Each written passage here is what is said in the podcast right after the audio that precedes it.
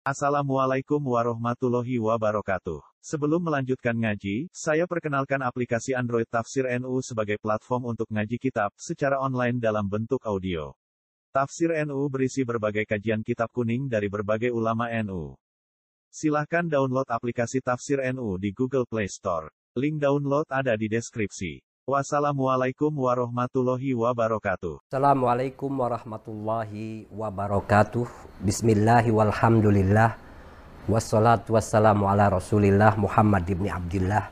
Wa ala alihi wa sahbihi wa man tabi'ahum bi ihsanin ila yaumil qiyamah amma ba'du.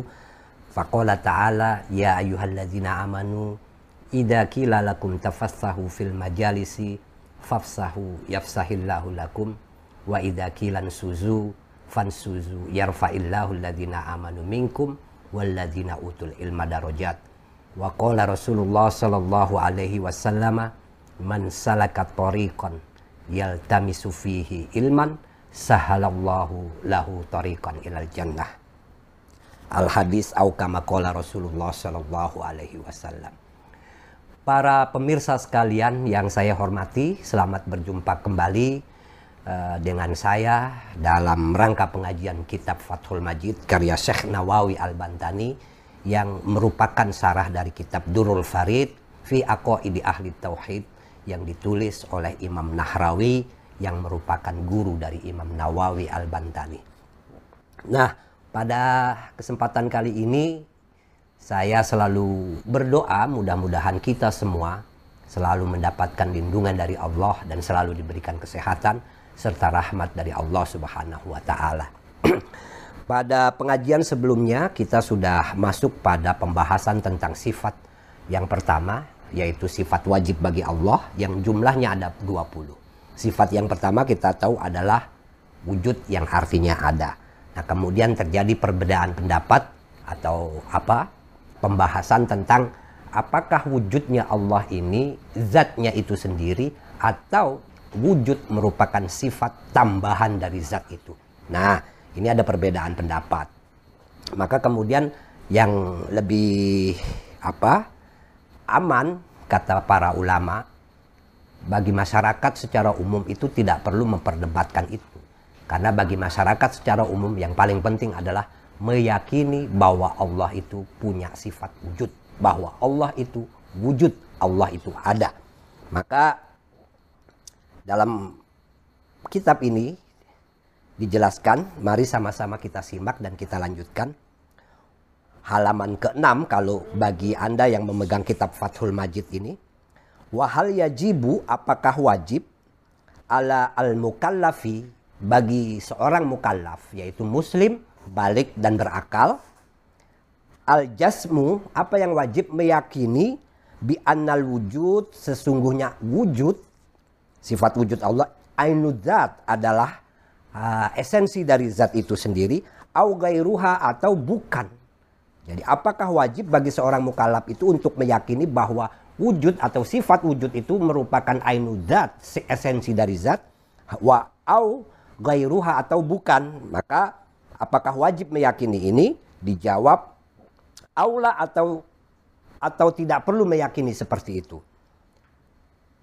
aula yajibu atau tidak wajib? Al jawabu maka jawabnya adalah annahu sesungguhnya la yajibu tidak wajib bagi mukallaf itu.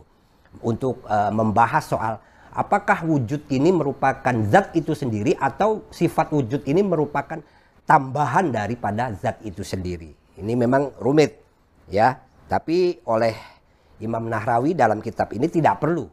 Tidak perlu bahwa bagi mukallaf itu untuk memikirkan hal itu. Karena memikirkan zat itu tidak mungkin.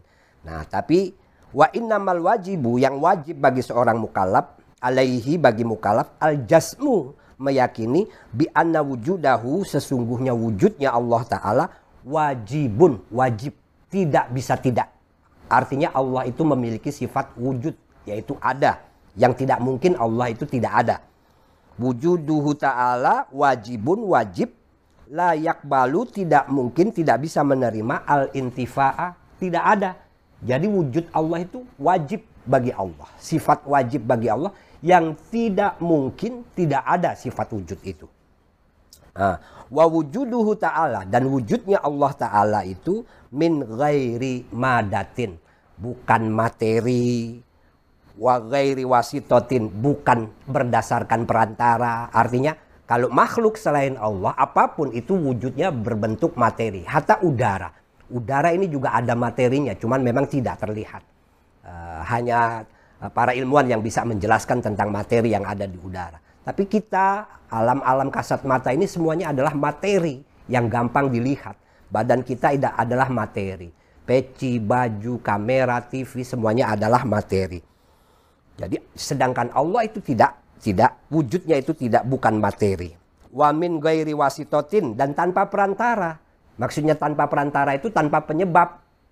Kalau kita ada nih ada penyebabnya banyak sekali penyebab keberadaan kita. Tentu kalau dari segi apa uh, wujud kita, penyebab adanya kita adalah orang tua kita, ibu dan ayah kita yang bekerja sama kemudian melahirkan kita. Tapi penyebab yang lebih detail ya kita ada ini karena ada proses-proses kimiawi yang ada di dalam tubuh setiap manusia yang sumbernya adalah uh, uh, uh, dari bumi, dari makanan yang kita makan dan lain sebagainya. Terdiri dari sel, darah, tulang, daging yang menurut penelitian fisiologi ini selalu berubah nah, apa yang materi yang ada di dalam diri kita. Sementara Allah itu tidak berbentuk materi dan tidak juga Allah itu wujudnya itu apa namanya ada perantaranya, ada penyebabnya. Allah itu ada dengan sendirinya. Nah, itu yang dimaksud dengan bila min ghairi wasitotin tanpa perantara. Dimaknahu maksudnya adalah annahu sesungguhnya Allah la lam yusir ahadun fi tidak ada satu makhluk yang menentukan atau ikut andil dalam keberadaan Allah Subhanahu wa taala. Beda dengan makhluk alam raya dan kita semua. Adanya kita itu ada hal lain yang ikut andil sehingga kita menjadi ada. Uh,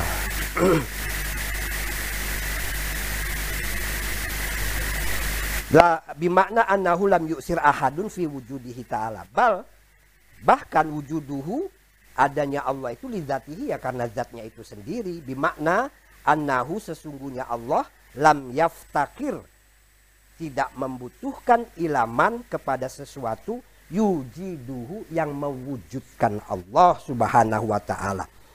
Jadi Allah itu adanya tidak tanpa atau tanpa perantara tanpa penyebab. Ya ada dengan sendirinya. Maka Allah itu eh, apa namanya? Tidak mungkin segala sesuatu itu yang adanya diadakan atau ada penyebabnya itu disebut Tuhan, disebut apa namanya? Yang maha kuasa dan lain sebagainya. Nah, Allah itu ada. Dan adanya Allah itu bukan materi zatnya yang pertama. Dan yang kedua adanya Allah itu tidak ada penyebabnya, ada dengan sendirinya.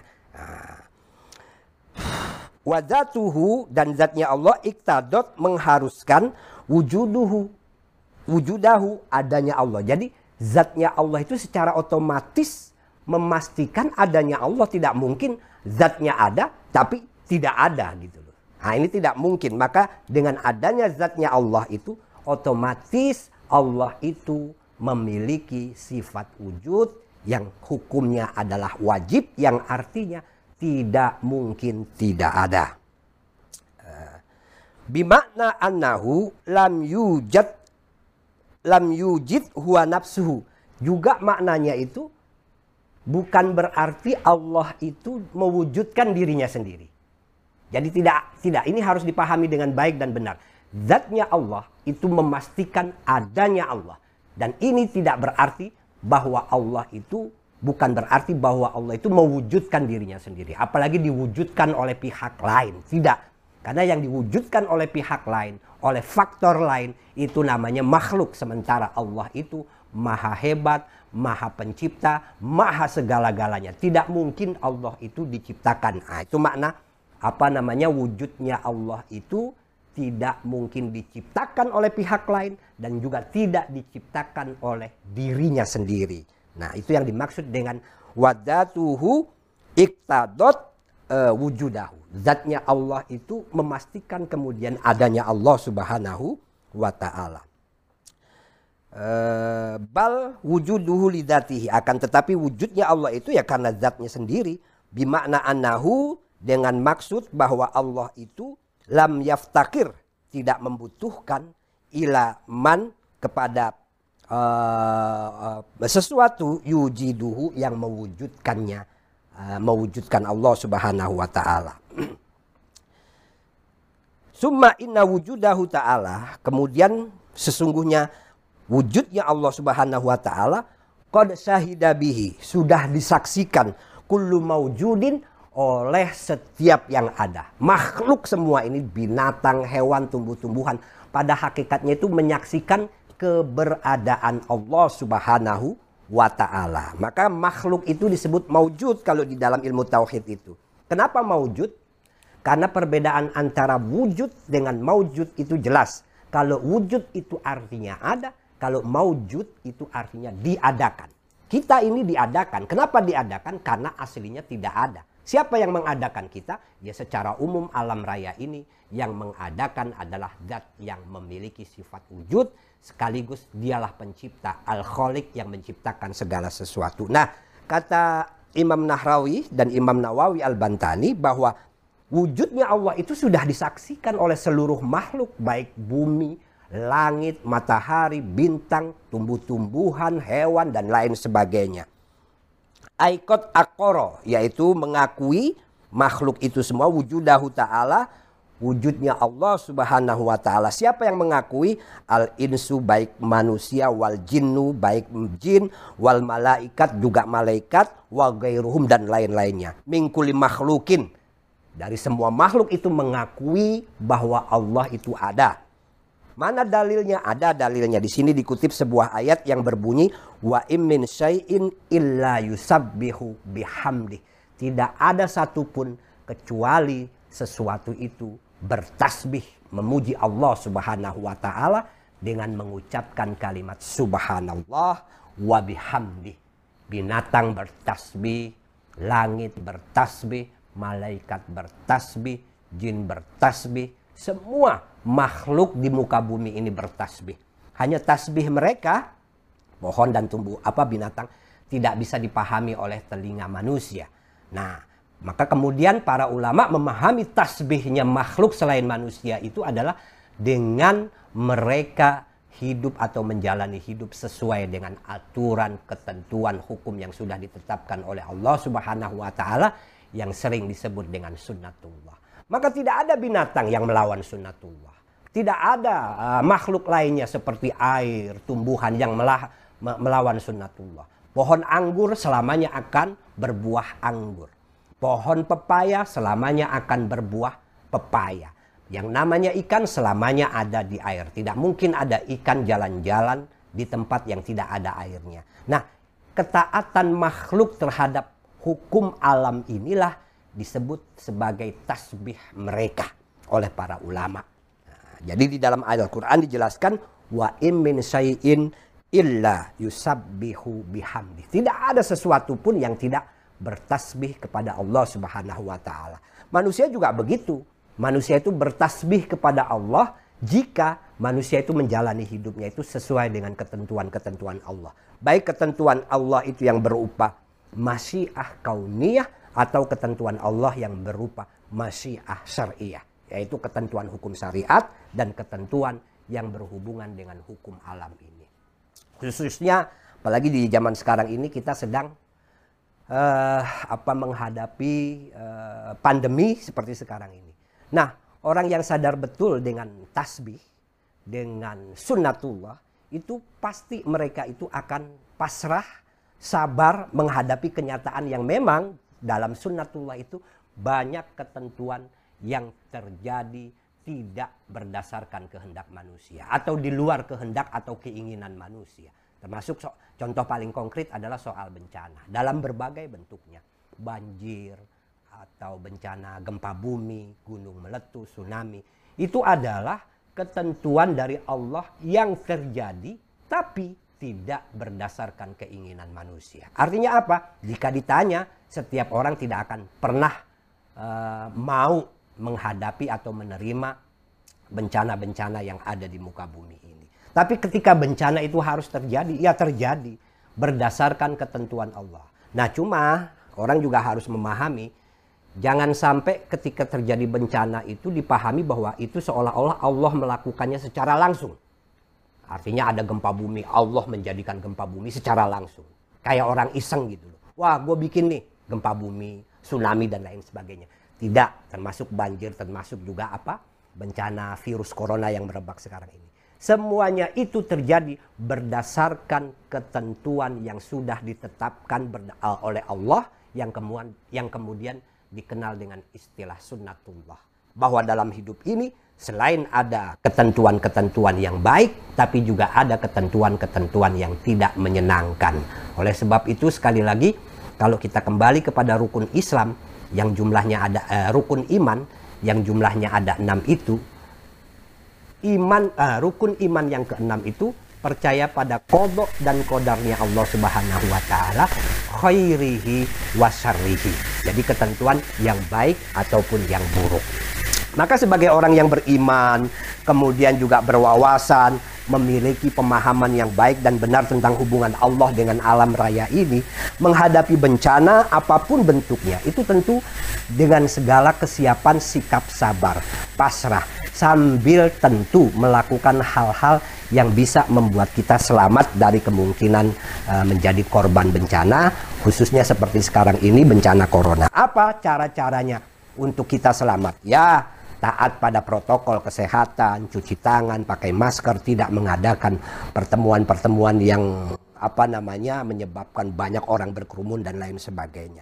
Nah, itulah Orang yang sabar, yang sabarnya itu didasari oleh ilmu pengetahuan yang baik dan benar. Jadi semua makhluk itu kembali meyakini adanya Allah dengan mereka itu bertasbih.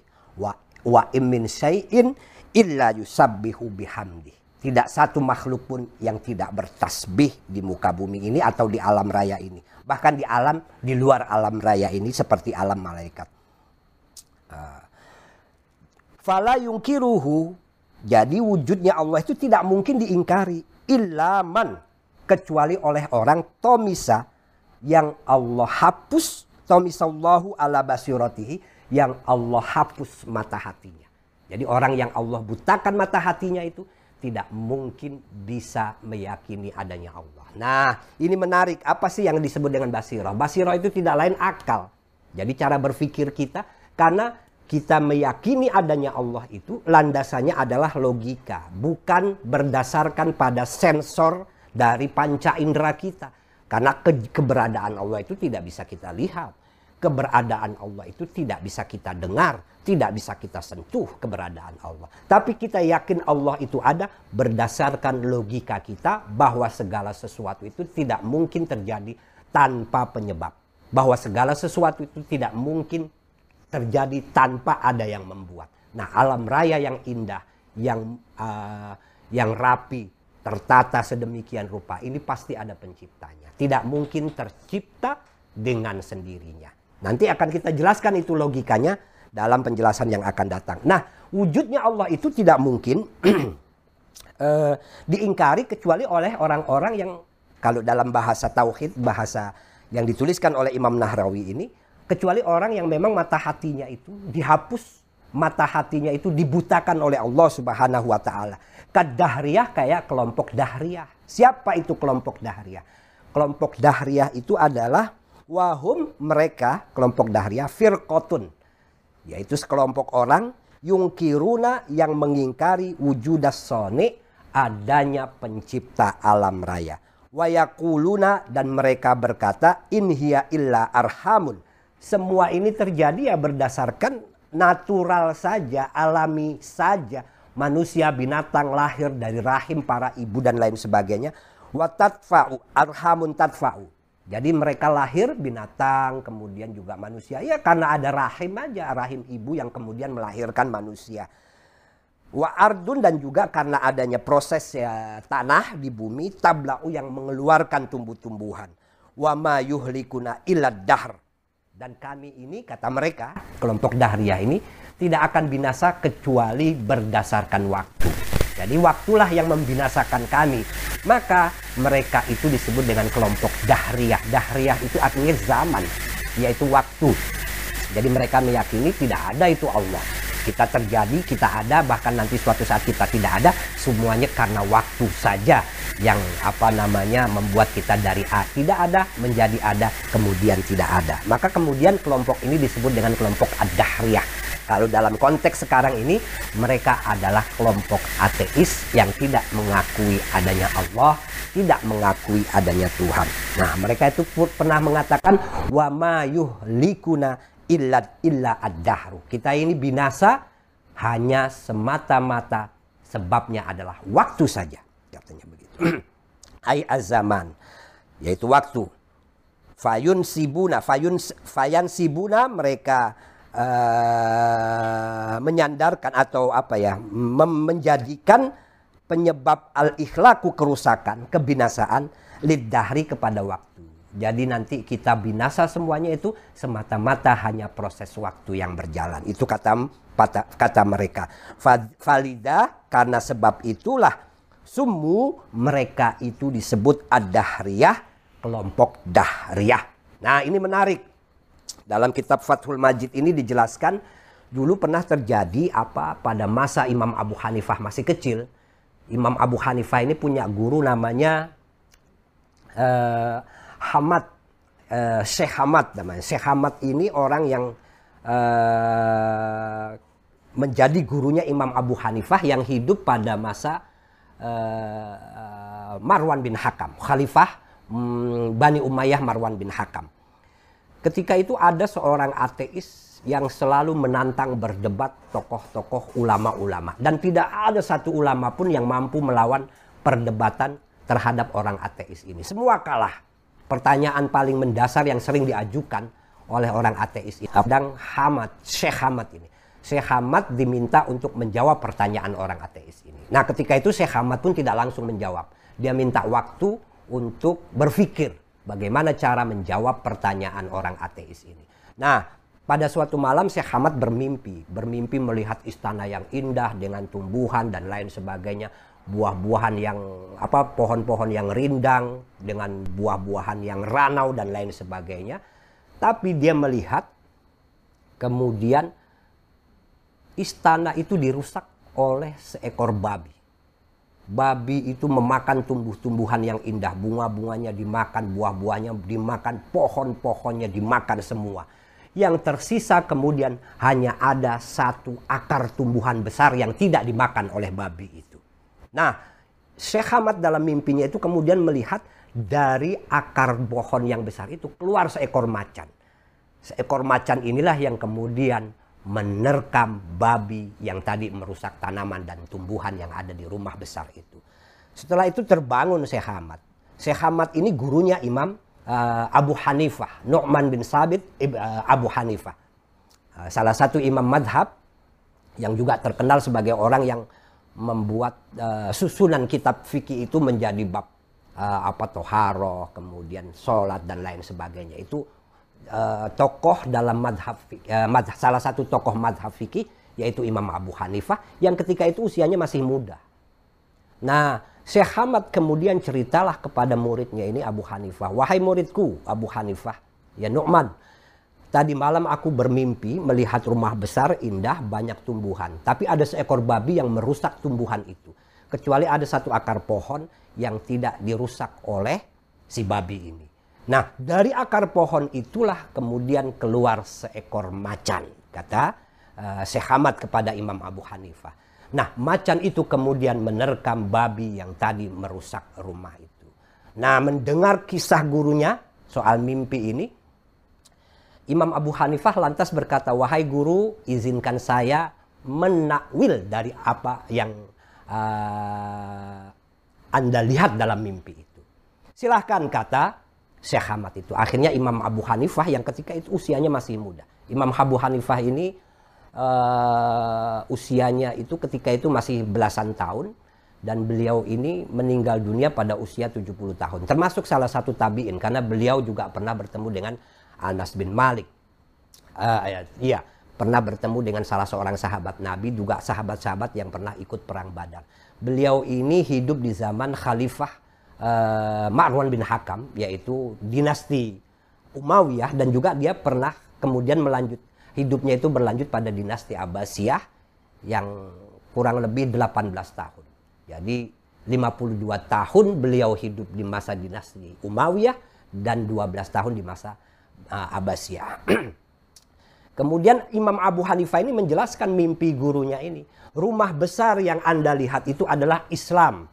Tumbuh-tumbuhan yang Anda lihat itu adalah para ulama yang dimakan oleh babi. Nah babi itu sendiri adalah orang ateis itu dan akar yang tersisa adalah Anda. Sementara macan yang keluar dari akar itu adalah saya. Maka sayalah macan yang akan menerkam babi itu. Wah kaget gurunya. Ini kok takwilnya itu luar biasa Akhirnya Imam uh, Syekh Hamad itu datang kepada khalifah menyanggupi tantangan debat orang ateis itu. Diselenggarakanlah di sebuah tempat, bahkan diceritakan itu di sebuah masjid jame. Masjid jame itu masjid agung, tempat berkumpulnya uh, apa namanya uh, masyarakat uh, seluruhnya gitu loh. Akhirnya diundang, terjadilah perdebatan antara seorang ateis dengan Imam Abu Hanifah. Karena Syekh Hamad menyerahkan Imam Abu Hanifah. Ketika itu orang ateisnya dipersilahkan untuk berdiri di atas mimbar. Lantas Imam Abu Hanifah itu berdiri di depan si ateis ini di bawahnya. Tapi seorang ateis ini kemudian mana ulama yang mampu menjawab pertanyaan saya? Kenapa yang hadir anak kecil begini? Mereka yang ilmunya tinggi, jubahnya lebar, sorbannya panjang, jenggotnya juga panjang, tidak ada satupun yang mampu menjawab pertanyaan saya. Kenapa saya harus dihadapkan dengan orang masih kecil ini? Masih anak-anak, apa dia mampu? Apa jawab Imam Abu Hanifah? Wahai orang ateis, yang namanya orang pinter, orang alim, ulama yang benar itu tidak tergantung dari pakaian, tidak tergantung dari jubah, tidak tergantung dari jenggot, tidak tergantung dari jidat dan lain sebagainya. Sudahlah, saya akan bersedia menjawab pertanyaan Anda pada kali ini. Silahkan ulangi pertanyaan Anda. Akhirnya ditanyalah oleh orang. Baik kalau begitu. Si ateis, kalau apakah Anda yakin Tuhan itu ada? Yakin Tuhan itu ada. Kalau Tuhan itu ada, letaknya di mana? Imam Abu Hanifah kemudian membalik pertanyaannya. Sekarang saya tanya kepada Anda, wahai ateis. Anda percaya gak bahwa kita ini ada ruhnya? Manusia ini ada ruhnya. Di tubuh kita ada roh.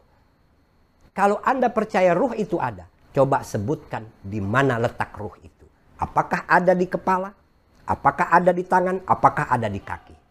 Tidak bisa menjawab sih siapa namanya uh, orang ateis ini. Nah, baik setelah itu dia bertanya lagi.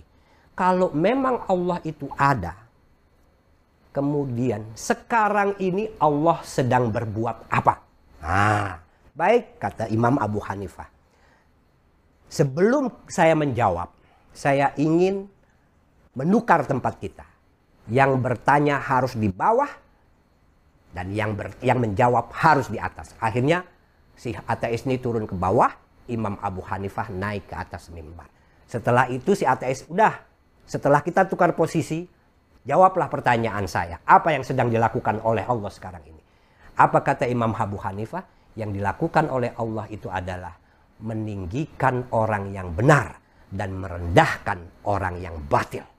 Jadi Allah menaikkan derajat orang yang benar yaitu Imam Abu Hanifah dan Allah merendahkan orang yang tidak benar pikirannya yaitu orang ateis. Maka setelah dijawab langsung terdiam orang ateis itu. Nah seketika itulah orang sudah kemudian mengenal kecerdasan Imam Abu Hanifah. Nah ini tanya jawab seperti ini, kalau kita lihat konteksnya itu ternyata di zaman dulu tuh biasa-biasa aja dengan perbedaan pemikiran. Bahkan Imam Abu Hanifah, para ulama ketika itu berhadapan dengan seorang ateis. Nggak ada itu yang geruduk, nggak ada itu yang marah-marah, mensweeping, apalagi gebukin karena orang ateis. Bahkan diajak berdebat. Dan pada faktanya ketika itu Imam Abu Hanifah mampu memberikan jawaban yang baik, yang tepat bahwa Allah itu ada Tempatnya tidak di mana-mana. Karena Allah itu tidak punya tempat. Dan apa yang dilakukan oleh Allah, Allah sekarang oleh Allah sekarang ini Imam Abu Hanifah meminta si ateis itu turun dari mimbar dan Imam Abu Hanifah naik ke atas mimbar kemudian menjawab yang sedang dilakukan oleh Allah adalah meninggikan orang yang benar dan merendahkan orang yang batil. Ketika Imam Abu ketika itu jawaban Imam Abu Hanifah. Jadi itu salah satu cerita yang dimuat juga di dalam kitab Fathul Majid ini. Nah kalau di zaman sekarang ini ada orang yang memang tidak percaya keberadaan Allah, yaitu orang-orang ateis. Ya biarin aja suatu saat juga mungkin mereka akan menemukan jawaban atau mungkin mereka tetap seperti itu. Toh jumlahnya juga terlalu tidak besar. Bahkan kadang-kadang eh, apa namanya para saintis para saintis dengan bangganya mengaku bahwa di ateis tidak tidak tidak bahwa Tuhan itu tidak ada. Ya kita juga nggak perlu kecil hati. Toh saintis-saintis yang bertuhan juga banyak. Seperti umpamanya uh, Albert Einstein. Einstein itu kita kenal itu. Uh, tokoh fisika. Uh, matematikanya jago dan lain sebagainya. Dia mengakui Tuhan itu ada. Bahkan istilah Einstein itu pernah mengatakan dalam menciptakan alam raya ini Tuhan tidak bermain dadu. Sembarangan tidak. Tapi Tuhan mengatur alam raya ini dengan teliti, dengan rapi, yang aturan itu di dalam Islam itu disebut dengan sunnatullah. Nah, sunnatullah itulah yang kemudian melahirkan berbagai disiplin ilmu, baik yang soft science, ilmu-ilmu yang bersifat lunak ataupun yang hard science, ilmu-ilmu yang bersifat keras itu tadi. Jadi begitu. Uh, fayansibuna al fayansibuna mereka uh, men, men, mengatakan bahwa penyebab kita ada dan binasa itu al-ikhlak yaitu al-ikhlak lidahar kepada masa atau waktu. Falida oleh sebab itu sumu mereka itu disebut kelompok ad-dahriyah yaitu firqoh ad-dahriyah yang artinya waktu. Fawailun nih kata Imam Nawawi, Imam Nahrawi, cilakalah lahum bagi mereka min adabis sadid mereka akan mendapatkan azab yang pedih Nah, tapi bagi kita sebagai seorang muslim harus yakin bahwa Allah itu ada, bahwa Allah memiliki sifat wujud. Tidak mungkin Allah tidak tidak ada. Nah, ada orang juga yang apa namanya? tadi tidak mungkin alam raya ini ada dengan sendirinya. Apalagi alam raya ini ternyata tercipta dengan sedemikian rapi dan teratur. Pasti ada yang menciptakannya. Nah tapi kalau ada orang bertanya, apakah keberadaan alam raya ini bukti adanya Tuhan? Belum tentu. Karena harus dikaitkan bahwa menciptakan alam raya ini adalah bersifat jais bagi Allah subhanahu wa ta'ala. Itu sebabnya uh, hubungan Allah dengan alam raya itu bukan atau tidak bersifat kausalitas. Kalau kausalitas itu ada api pasti ada asap dan lain sebagainya kita kena air pasti basah. Itu kausalitas. Air pasti turun mencari tempat yang lebih rendah. Itu kausalitas. Pakai cincin. Ketika cincin ini tangan bergerak, cincin pasti bergerak. Tangan diam, cincin pasti diam. Tidak mungkin tangan bergerak, cincinnya tidak bergerak. Itu kausalitas. Hubungan Allah dengan alam raya ini tidak bersifat kausalitas. Karena apa? Karena seandainya Allah menciptakan alam raya, atau tidak menciptakan alam raya itu masuk dalam sifat jais bagi Allah Subhanahu wa taala. Allah boleh menciptakan alam raya, Allah boleh juga tidak menciptakan alam raya. Tidak ada yang bisa memaksa Allah harus menciptakan alam raya. Artinya seandainya alam raya ini tidak diciptakan oleh Allah Subhanahu wa taala, Allah akan tetap tetap ada. Jadi ketika ada orang menjawab, bukti adanya Allah adalah adanya alam raya ini, ya untuk sepintas mungkin benar. Tapi lebih dalam kita katakan bahwa hukum Allah dan alam raya ini atau penciptaan alam raya ini tidak berhukum sebab akibat. Karena hukumnya jais. Seandainya Allah tidak menciptakan alam raya, maka Allah akan tetap tetap ada. Nah, ini Baik para pemirsa sekalian, mudah-mudahan apa yang bisa apa yang saya sampaikan tadi bisa dipahami dengan baik dan bermanfaat buat kita semua. Sekali lagi, ngaji tauhid ini full dengan cara berpikir yang logis karena yang paling penting dalam ilmu tauhid ini adalah kemampuan orang berpikir logis. Karena kita sedang berbicara tentang sifat-sifat Allah, bukan zat Allah. Kalau zat Allah itu tidak bisa difikirkan dan tidak bisa dibicarakan. Tapi yang kita bicarakan adalah sifat-sifat Allah yang diijtihadi oleh para ulama ahlus sunnah wal jamaah dalam rumusan yang kita kenal dengan aqaidil khamsin akidah 50 yaitu sifat 20 wajib, sifat 20 uh, ada uh, 20 sifat mustahil dan ada satu sifat jais bagi Allah Subhanahu wa taala. Ada sifat empat sifat wajib bagi Nabi, empat sifat mustahil bagi Nabi, dan satu sifat jais bagi Nabi dan para Rasul yang seluruhnya jika digabungkan menjadi 50 akidah yang konsep ini adalah disusun oleh para ulama ahlu sunnah wal jamaah yang tujuannya adalah mempermudah orang untuk memahami hubungan Allah dengan alam raya termasuk dengan kita dengan manusia kita.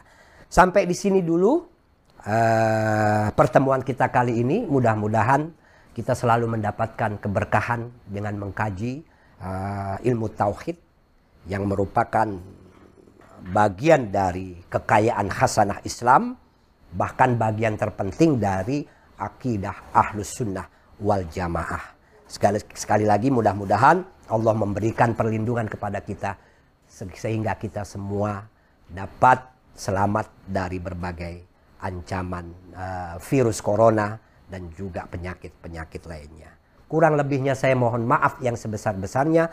Wallahul muwafiq ila aqwamit thoriq. Wassalamualaikum warahmatullahi wabarakatuh.